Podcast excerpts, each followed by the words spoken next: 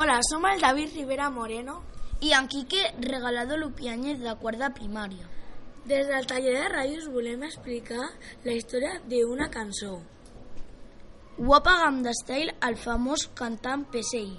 Començarem explicant que la cançó de Wobangam Stein és una cançó d'origen coreà. i que combina ritmes de música, de dans, electrònic i rap. Aquesta cançó s'ha fet molt popular arreu del món perquè el YouTube ha rebut més de mil milions de visites.